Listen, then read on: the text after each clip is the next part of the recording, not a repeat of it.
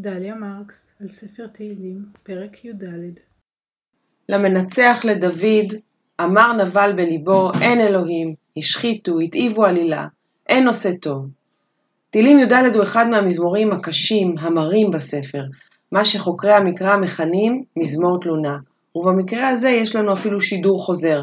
המזמור הקצרצר הזה מופיע שוב בהמשך הספר, בפרק נ"ג, בשינויים קלים. למשל, השימוש בשם האל כאן שכיח השם המפורש, ובאחיו תאומו מזמור נ"ג שכיחה המילה אלוהים, וגם תראו פשוט עוד דוגמה להבדלים ביניהם. כאן נאמר הכל שר יחדיו נאלח הוא, אין עושה טוב, אין גם אחד, ושם כולו סג יחדיו נאלח הוא, אין עושה טוב, אין גם אחד.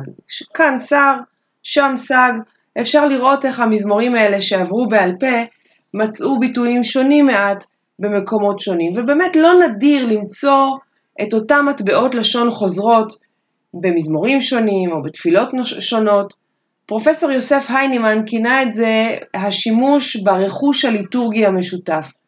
ביטויים או צירופי לשון מסתובבים בחלל חברתי ותרבותי וקהילתי מסוים, ולא נופתע לגלות שבחיבור של טקסט חדש, מזמור חדש, תפילה חדשה, ייעשה בהם שימוש חוזר, לעתים אפילו בלתי מודע, שאנחנו משתמשים ומשתמשות בו מחדש. אבל כאן יש תופעה אחרת, כאן יש ממש שימוש במזמור שלם במקומות שונים, וזה לא, לא המקרה היחיד. אנחנו נפגוש את התופעה בעוד ארבעה פרקים בפרק י"ח, ושם נדבר על זה מזווית אחרת. מה המשמעות של החזרה הזאת? האם מישהו התרשל בעריכה, הכניס את אותו מזמור פעמיים? או אולי הכפילות הזאת משקפת שלבים בעריכה. קובצי מזמורים שנתחברו ביחד עוד לפני העריכה הראשית של הספר כולו, הכילו אולי את אותו מזמור, וכך קרה שאותו מזמור אולי הופיע בשני קבצים? לא נדע. פרשנינו ניסו לעמוד על הסיבות, על הטעמים לחזרה הזאת על אותו מזמור פעמיים.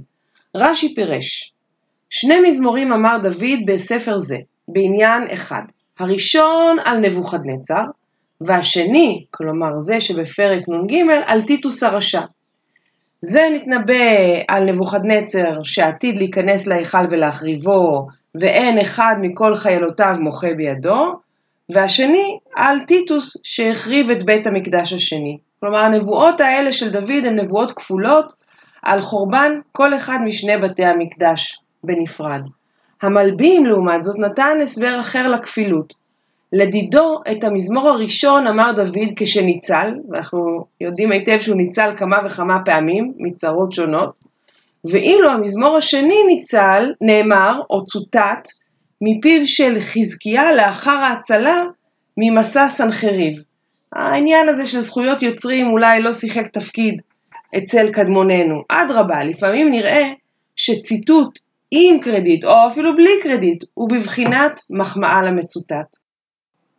וגם כיום אנחנו משתמשים ומשתמשות בטקסטים עתיקים לצרכים חדשים. כדי לבטא למשל את האבל על השואה, יש שנוהגים לקרוא את מזמור פ"ג ביום השואה.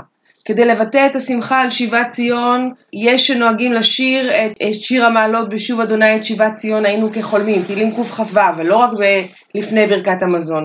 ביום ירושלים, או בכלל מי שמגיע או מגיעה לירושלים כמין עלייה לרגל, יש אה, ששרים את מזמור קכ"ב, ועוד ועוד. בעיניי יש ערך רב להשתמש בטקסטים קדומים לצרכים חדשים. טוב לדובב שפתי ישנים ולהביא מאוצרות עמנו גם לענייני השעה. אבל בד בבד טוב ליצור ולחדש ולהרחיב את היריעה גם ביצירה חדשה, של טקסטים, של תפילות, של תחינות, של מזמורים, של פיוטים חדשים. מה טוב ליצוק יין עתיק בכלים חדשים, ומה נעים למזוג צוף חדש בכלים עתיקים.